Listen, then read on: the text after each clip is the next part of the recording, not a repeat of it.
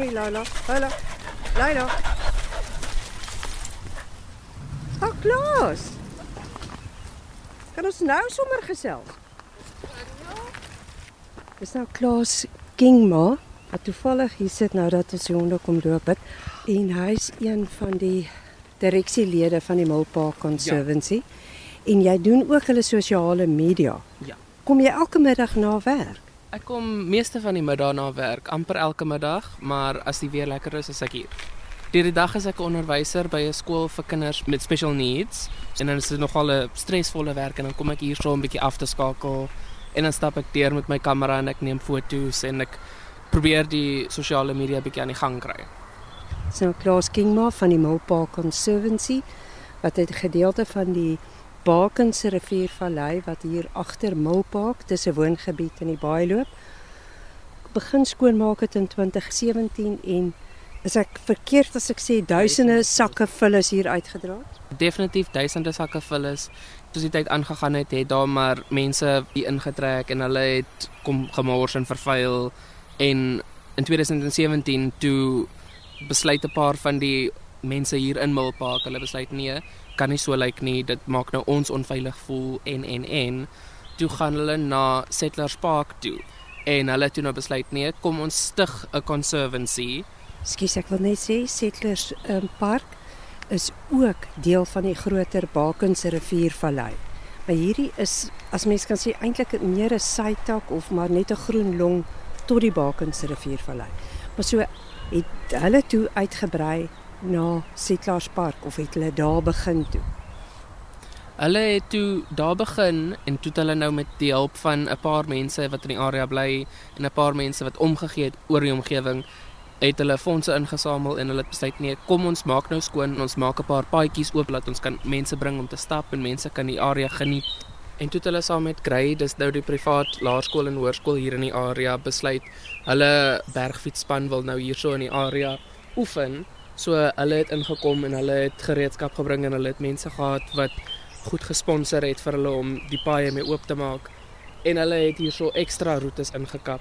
Ons het nou nog mense wat inkom om nog 'n paar roetes oop te kap want u is so baie spasie. Hulle het besluit nee, kom ons maak nou nog 'n paar paadjies want dan kan die mense nog meer verder stap en ja, dis nou wat gebeur as 'n gemeenskap besluit nee, ons wil hierso regmaak, ons wil beter maak. Ons wil iets nalos vir die mense van die geslagte na ons nog en ons wil vir hulle hierdie area mooi los en ons wil nie hê dat dit vernietig moet word nie. Ons is afhanklik van mense wat lidmaatskappe kry en soos wat ons nou aangaan, raadloop ons nou éventueel uit geld uit en hoe meer mense nou weet van die area, dis nou waar die sosiale media en die kommunikasies en als inkom wat ek nou in beheer is van wil ons nou meer mense in PE bewus maak van hierdie wonderlike plek hierso op ons stoep. Ek meen ons staan nou hierso en ons kyk hoe ry die karre in Target Kloof. So hierdie is die wonderlikste sentraal geleë area om net te kom stap en ons werk saam met Atlas en Atlas kyk dat alles mooi oop bly en sekuriteit is ja, dit. Ja, dis 'n sekuriteitsmaatskappy. Dis net absoluut wonderlik wat die mense kan doen as hulle almal saam staan en hulle almal saam werk. Ons praat met Klaas Kingma, een van die direksielede van die Milpark Conservancy wat 'n ongelooflike geskenk gegee het aan ons wat in die baie bly. Jy het juis op een van jou sosiale media bladsye het jy 'n plasing gemaak oor hierdie wonderlike plek en ek het gedink dit kan nie wees nie. En toe ek hier kom, ek ek kan dit nog steeds nie glo nie. Ja nee, soos nou vandag het ek twee loeries gesien en hier is so baie suikerbekkies hier in die area ook. Dis iets wonderlik.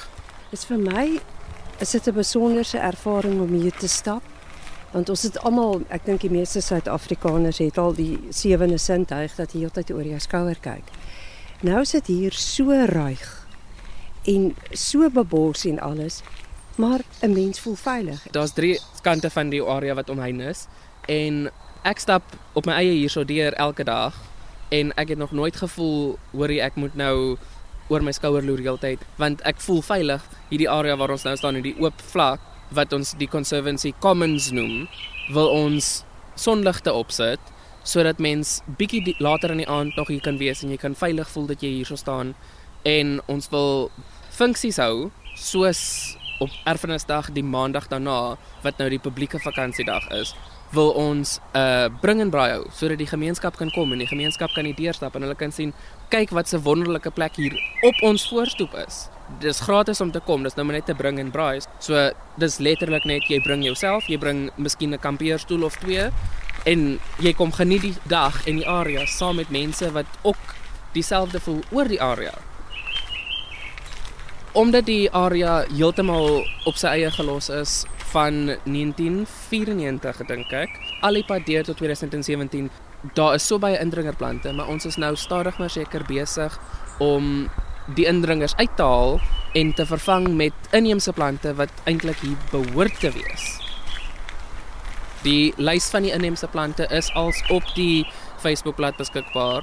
Ons het dit nou gedoen as 'n uh, boomplantdag inisiatief oorspronklik, maar mense sê nee, hulle wil graag maandeliks dalk 'n boom skenk. Toe besluit ons ons gaan nog aangaan daarmee en ons het gepraat met 'n paar boomkenners en hulle het vir ons 'n lys gegee van bome wat van hier af is en wat hierso sal aanpas en wat goed doen hierso in sekere areas want Ons het verskillende soorte areas. Ons het 'n fynbos area en daar's 'n area wat bietjie natter bly.